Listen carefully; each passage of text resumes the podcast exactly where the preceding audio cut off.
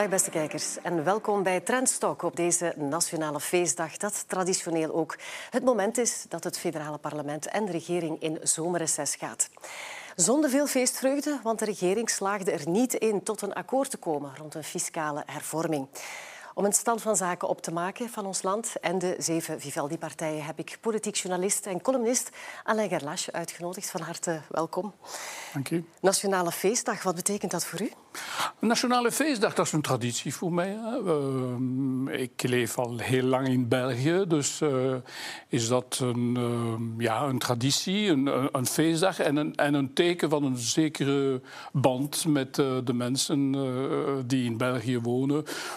En gaat u ook kijken naar de festiviteiten in, uh, in Brussel? Ik ga niet kijken. Uh, nee, er zijn overal festiviteiten. Hè. Er zijn uh, ook festiviteiten in alle steden, soms dorpen. En dat vind ik ook belangrijk, dat het niet alleen maar een feest zou zijn voor, voor Brussel, voor de Brusselaars, maar ook een beetje overal. Dat is eigenlijk een land. Een land leeft niet alleen in de hoofdstad, maar in alle delen ervan. Ja.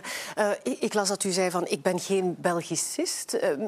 Welke identiteit um, zou u op uzelf Dat is moeilijk. Ik ben niet geobsedeerd door identiteit. Ik voel me vooral uh, een mens uh, die, die, die proberen om nuttig te zijn voor, voor de maatschappij. Dat is een beetje pompeus gezegd, maar uh, zo ervaar ik het. Um, ja, een land is voor mij geen doel op zich. Uh, een natie is ook Maar wel een doel, gemeenschap. Maar wel ja. een gemeenschap. En, en, en ik vind het belangrijk dat wij uh, onze identiteiten, want we hebben er veel, uh, dat wij dat proberen een, invulling te geven die, die, die nuttig is voor de hele gemeenschap. Europa is ook een identiteit voor mij. Ik voel me ook Waal. ik voel me Franstalig. Niet noodzakelijk Franstalig van België, maar Franstalig van de, van de francofonie, van de, -huh. van de wereld. Want een Brusselaar zal niet makkelijk zeggen: ik ben, een, ik ben Franstalig, maar ja. ik ben geen Waal. Een fout die we soms als Vlamingen wel eens maken. Ja, bent dat is Waal, er is, een, er is inderdaad een verschil tussen Franstalig en Waal. Uh, niet alle Franstaligen zijn Walen. Walen zijn uh, de mensen die in uh, Wallonië wonen. En ik zou zelfs zeggen dat niet alle mensen die in Wallonië wonen Franstalig zijn, want er zijn ook Duitsstaligen die ook hun eigen identiteit hebben. Maar dat betekent, dat betekent voor mij dat identiteit uh, geen doel op zich moet zijn en zeker geen manier om afstand te nemen met, uh, met uh, de anderen. Ik ben eigenlijk voor een open identiteit. -huh. Een identiteit die de mensen samenbrengt en niet een identiteit die je afscheidt van andere, van de andere mensen of van andere groepen. Dat vind ik heel belangrijk. Ja, maar goed, we leven in een complex land en ja. er zijn nu eenmaal toch wel verschillen tussen Vlaamstalige zijde en Franstalige zijde. Daar is toch wel ergens een lijn te trekken in, um, in opinies over hoe we onze maatschappij moeten organiseren, waar onze mm -hmm. prioriteiten moeten liggen. We hebben het ook gezien met, het, uh, ja, met de fiscale hervorming, die er niet is, uh, helaas niet is doorgekomen. Um, we komen nog heel moeilijk tot uh, compromissen. Het duurt ruim meer dan een jaar om tot een regering te komen. Um, die maatschappelijke verschillen, hoe benadert u die als politiek analist? Maar ik zou een verschil maken tussen de maatschappelijke verschillen en dan de politieke verschillen. Uh, ik denk dat België beter werkt dan de regeringen in België. Uh, en dus ik zou de situatie van het land niet helemaal identificeren met bijvoorbeeld de problemen binnen Vivaldi. Uh, de problemen binnen Vivaldi hebben ook te maken met het feit dat we zeven partijen nodig hebben om een federale regering uh, op touw te zetten. Uh, dat er een grote concurrentie is uh, tussen de, de, de partijen en aan Vlaamse en aan Franstalige zijde. Dat bijvoorbeeld PS en MR uh, dus heel tegenstrijdige uh, standpunten hebben. Maar dat betekent niet dat het land niet werkt. Uh, want de, gelukkig maar hebben de inwoners van, van, van, van dit land toch een ander gezicht op, op de gang van zaken. En ze weten dat samenwerking belangrijk is. Dus ik denk dat inderdaad de politieke situatie uh, niet zo goed is. Maar je verwijst naar zeven partijen. Maar ja. het land werkt nog steeds, dankzij, dankzij de bevolking. Eigenlijk is het de bevolking uh, die, die, die, dit land in stand houdt. Ja, er is die complexiteit hè, nu met zeven regeringen om, om dit land mhm. op federaal niveau te, te leiden. Uh, maar we zien toch een verschuiving dat er op Vla aan Vlaamse kant rechtser wordt gestemd. In, uh, in Wallonië of aan Franstalige zijde ja. linkser. Dus ja, het wordt moeilijker en moeilijker om nog um, een regering te vormen die eenzelfde richting wil uitgaan om tot een gedegen regeringsovereenkomst te komen. Ja, dat is, dat is waar. Maar enfin, niet heel Vlaanderen is rechts en niet heel Wallonië is links. Hè. Kijk naar Georges-Louis Boucher. Je mag veel van hem vertellen, maar niet dat hij links is. Hè. Nee, dus, uh, en, en, zijn partij uh, ja, schommelt rond de 20 procent. Je hebt ook Les Engagés, die vier hebt. Uh, dus niet linkse partij die ongeveer 30 procent of een beetje meer vertegenwoordiger, vertegenwoordiger, plus het centrum. en ook aan de Vlaamse kant is recht uh, niet... Uh, ja, rechts is natuurlijk belangrijk, maar er zijn ook linkse partijen. zelfs PVDA, in de, laatste, de communisten, in de laatste peilingen... ja, schommelden rond de 10 procent in Vlaanderen. Dus ik zou toch een beetje voorzichtig blijven. En, en, ik, en ik vind dat die manier om een rechts-Vlaanderen en een links-Franstalig België... Um, permanent in aanvaring te, met elkaar te zien, dat vind ik een beetje, dat vind ik een beetje te eenvoudig. En bovendien is het niet omdat Vlaanderen uh, rechts is, uh, dat het dat alles koek en, ei, koek en ei is in, in, de Vlaamse regering. Hè. Nog deze keer, nog de vorige keer. We hadden het de vorige keer over een kibbelkabinet aan, aan Vlaamse zijde. En toch zijn dat drie rechts of centrumrechtse partijen. Uit het, uh, we hebben het altijd over Vivaldi, maar ik heb niet de indruk uh, dat de regering Jan Bon het jaar, of het, het, ja, het politieke jaar beter eindigt dan, dan de Vivaldi-regering. U bent op dit moment een boek aan het schrijven over de verschillen tussen Vlaanderen en Wallonië. Het verhaal van Wallonië heeft u het genoemd. Natuurlijk mm de verwijzing naar de uh, televisieserie, onze kanon wellicht ook, uh, die is uitgekomen. Het boek komt uit in uh, oktober. Um, wat mogen we daarvan verwachten? Kijk, um, ik heb geprobeerd om uh, allerlei clichés die in, Vlaanderen uh, de ronde doen over uh, de Walen een beetje gaan factchecken en, en te analyseren. we kennen ze, hè? de Walen zijn lui, ze zijn allemaal links. Hè? of ze willen geen Nederlands leren spreken enzovoort.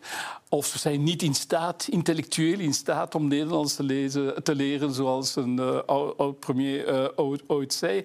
Uh, en ik probeer dat een beetje te, ja, te, factchecken of een beetje te analyseren. Zeggen dat ja, sommige delen van die vooroordelen kloppen of niet kloppen. Ik heb het geluk dat ik al sinds mijn tienerjaren, tienerjaren langs de Tagrens heb, heb, heb gewoond. Ik woonde toen in in Waveren, dus uh, aan, de taalgrens. En, en op school uh, had ik ook een paar Vlamingen in, mijn klas. Ik probeerde toen al een beetje Nederlands uh, met hen te, te, spreken. Ik heb ook in Leuven gestudeerd. Ik ben een van de laatste Franstaligen die nog na de, na de splitsing van de universiteit in Leuven hebben gestudeerd.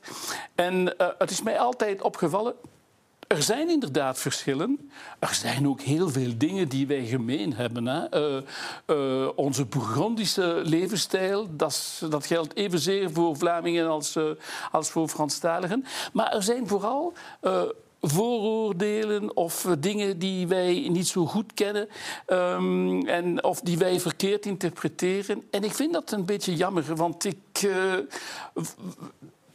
de evolutie, de institutionele evolutie uh, van België, die zal nog blijven duren, maar er zal één ding blijven. We zijn buren en we zullen buren blijven. En uh, met buren kom je uh, liever tot een soort van uh, goede verstandhouding. En dat betekent ook een vorm van wederzijds vertrouwen. Maar met vooroordelen, met clichés, -huh. is dat moeilijk, denk ik. En, en welke... daarom, daarom heb ik dat boek willen schrijven. En welke vooroordelen bestaan er over Vlaanderen, over Vlamingen? Ah, er zijn er ook, er zijn er ook veel. Hè ehm, bijvoorbeeld dat jullie geobsedeerd zijn door het werken, bijvoorbeeld, door het succes. dat jullie allemaal nationalisten zijn, dat jullie de splitsing van, van België willen. dat extreem rechts ehm, bijna heel Vlaanderen in, in zijn greep houdt en, en, dergelijke dingen. Dus ja, uh, het zou misschien een goed idee zijn voor een, uh, voor een Vlaming die ook regelmatig in contact komt uh, met de Franstaligen om hetzelfde boek te schrijven. Trouwens, dat boek is een gevolg van een podcast die ik drie jaar lang met VRT-journalist Ivan de Vadder heb gedaan. En, en het was een tweetalige podcast. En we hebben dus, we wouden de actualiteit, de revue laten passeren en dan de gevoeligheden aan beide ta aan beide zijden van de taalgrens weergeven. En, en daarom is, uh, zo is dat boek ontstaan. Ja, nog even over de Nationale Feestdag. Ja? Over acht jaar vieren we het 200-jarig bestaan van mm -hmm. België. Gaan we dat halen? Ik denk dat we dat uh, zullen halen, na, maar hoe? Uh, dat is natuurlijk uh, de, de, de vraag. Um, men stelt de vraag veel op het niveau van de, van de instellingen. Hè? Hoe zal België er institutioneel eruit zien? maar voor mij zijn dat niet de, zo belangrijkste, de, de belangrijkste vragen. Hè? De belangrijkste vragen, denk ik, die gaan over de zogezegde echte problemen van de mens. Ik ben een beetje bang voor die uitdrukking, want die wordt uh, uh, soms te veel gebruikt. Maar kijk, um, koopkracht natuurlijk, maar um, hoe leven wij met de diversiteit, um, klimaatverwarming? Dat zijn dingen, dat, dat zijn de grote, de, de grote uitdagingen voor het België van uh, 2030 zijn op dat, op dat niveau, op het niveau van, van de bevolking, van, van, de, van, de, van de wereld uh, waarin wij zullen leven. Pakken, ja. En ik hoop dat de instellingen ons in staat zullen helpen om uh, uh, die uitdagingen uh, beter te kunnen aanpakken. Dat is belangrijk. De instellingen die zijn geen doel op zich. De instellingen die moeten ervoor zorgen dat de maatschappij en de samenleving op de beste manier werkt. Dat denk ik althans. Ja. U weet natuurlijk dat ja, de NVA pleit voor een confederale ja. België. Wat we zelf doen, doen we mhm. beter. Meer bevoegdheden, meer verantwoordelijkheden. Wel, dit is wat Bart Wever zegt over het confederalisme. Het is tijd om af te rekenen met dit krakkemikkige België en te kiezen voor een echte oplossing, het confederalisme. Confederalisme biedt een werkbaar geheel, een België 2.0, waarin Vlaanderen en Wallonië hun eigen keuzes kunnen maken, op eigen verantwoordelijkheid en met eigen centen. En we maken zelf de keuze over de terreinen waarop we dan wel nog gaan samenwerken.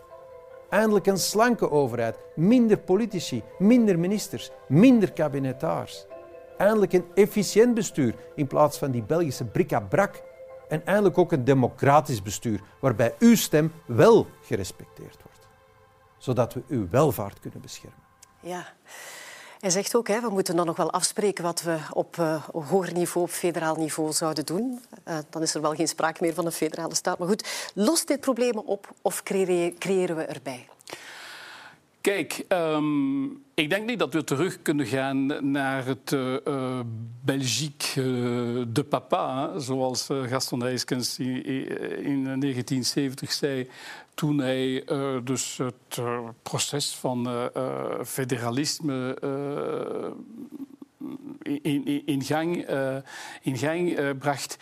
Um, ik denk dat het interessant is. Um, in, in, in het filmpje dat, uh, dat wij uh, zojuist gezien hebben, is het interessant uh, dat Bart de Wever zegt, zegt we moeten nog proberen om te definiëren wat we samen willen doen. En bijna op hetzelfde moment zie je België met de twee delen die uit elkaar gaan. Dus kijk, confederalisme, dat is een ander woord voor separatisme, dat weten wij. Um, Misschien is dat uh, nuttig om de dingen een beetje zachter te maken voor de Franstaligen, zodat ze niet zo bang zijn uh, van een verdere evolutie van de, van de instellingen van België. Maar misschien ook voor, voor Vlaanderen. Want Bart de Wever zegt het zelf. Niet alle uh, Vlamingen zijn uh, voor een onafhankelijk Vlaanderen. Maar ik denk inderdaad dat het beter zou zijn indien wij uh, in dit land Um, ook meer verantwoordelijk zouden zijn voor onze, uh, voor onze manier van werken.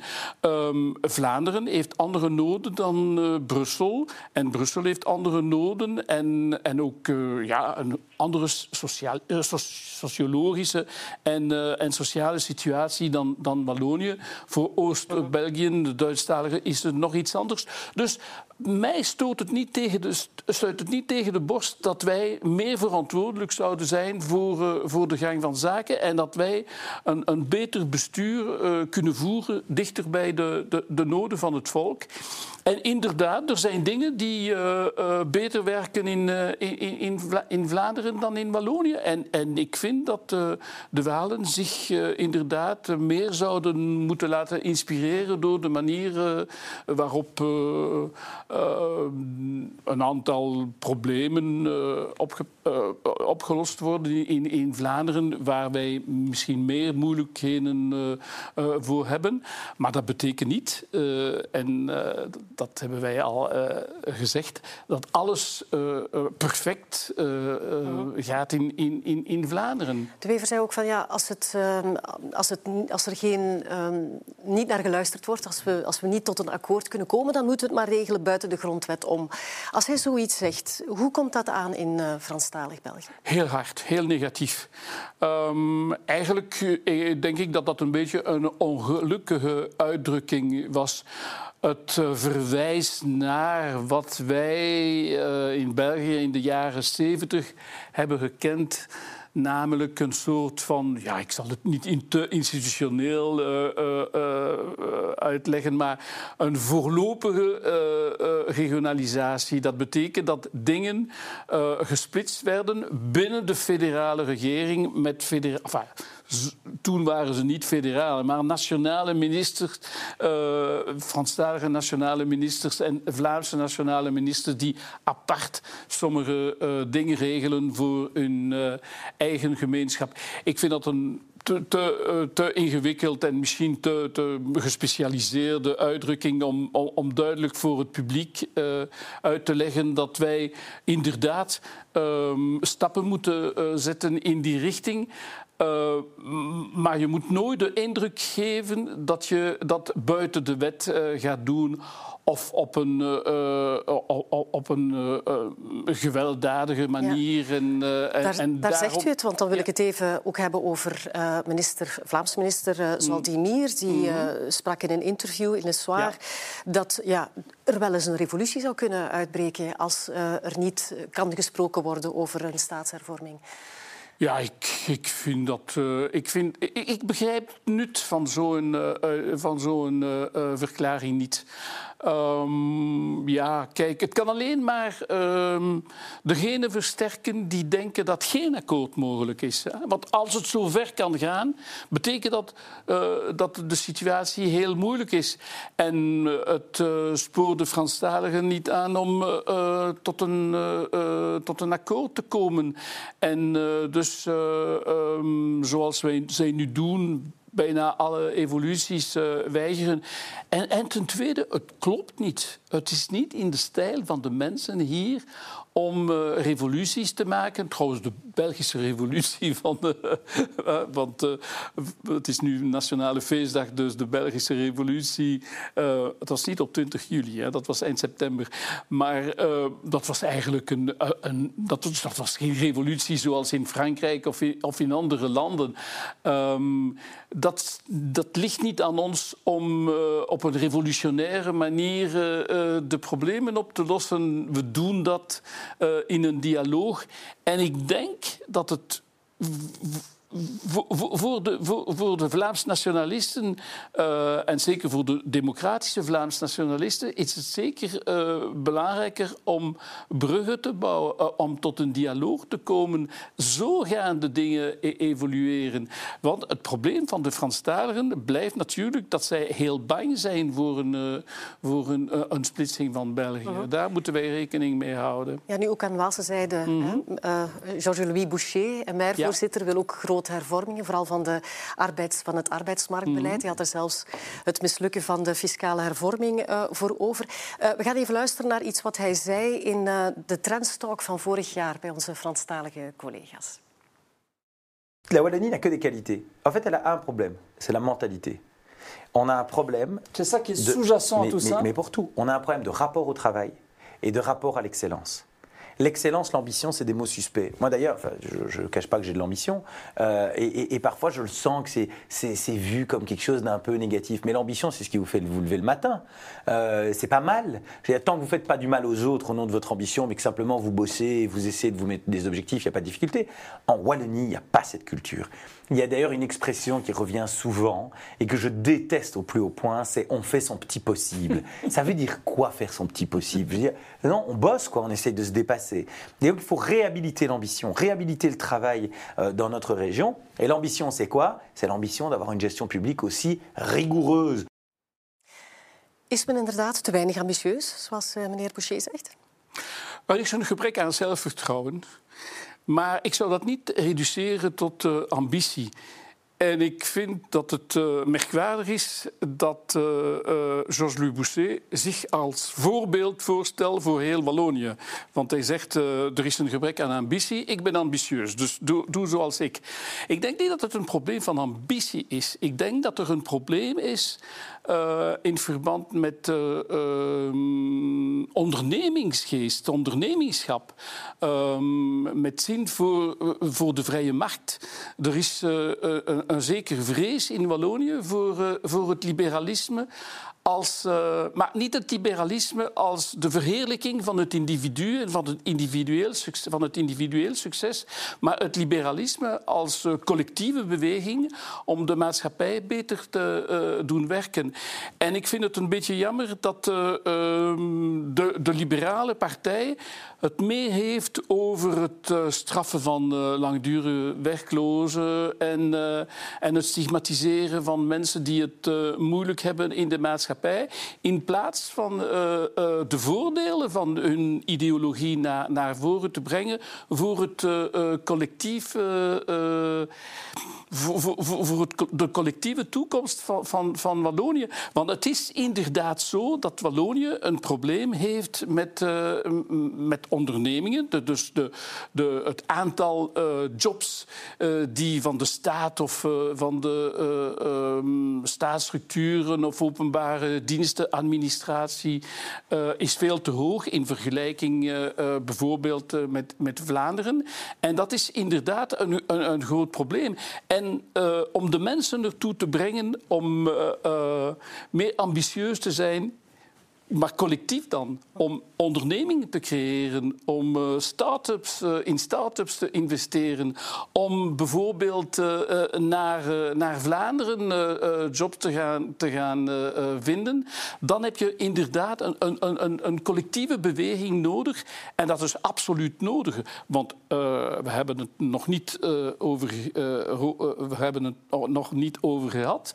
Maar het grootste probleem, denk ik, van, van Wallonië blijft de economische situatie en, het financiële, uh, en de financiële situatie uh, van, van, het gewest. Um, en daar moet absoluut iets aan gedaan uh, worden. En als bijvoorbeeld Bart de Wever een beetje vroeger het had over responsabilisering, dan heeft hij inderdaad gelijk. Wij wij, Walen, moeten leren om op eigen krachten en niet alleen maar met uh, uh, de transfers in de sociale zekerheid of met de hulp van de federale regering.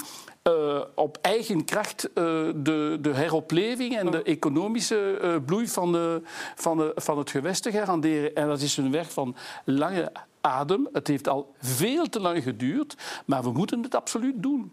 Nu, iedereen erkent dat er mankementen zijn mm -hmm. aan het huidige stelsel waarin dat we ja. moeten functioneren. Ja. Uh, er stond ook in het regeerakkoord dat er werk zou moeten gemaakt worden van een, uh, een hervorming, van die, de institutionele mm -hmm. hervorming. Annelies Verlinde en David Clarenval zijn daarvoor uh, verantwoordelijk. De grondwetspecialist die daarop moest werken, die is al opgestapt, want hij zegt ja, ze komen niet opdagen op de vergaderingen, er is geen gesprek mogelijk. Ja, dat loopt blijkbaar in een doodlopend straatje. De coronacrisis heeft nogthans wel uh, getoond dat we dingen moeten veranderen.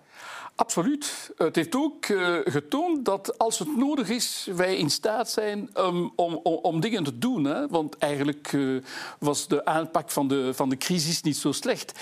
Maar er zijn inderdaad dingen uh, die vereenvoudigd moeten worden. Ik denk dat het vooral belangrijk is, niet alleen om, om de dingen beter te laten werken, maar ik denk dat als je het democratisch systeem niet meer begrijpt, en dat is het geval van heel veel mensen. En, soms begrijp ik het ook, niet meer als uh, politiek journalist en ik moet in boeken uh, gaan zoeken hoe het in, in, in elkaar zit. Dan verlies je het vertrouwen in de democratie.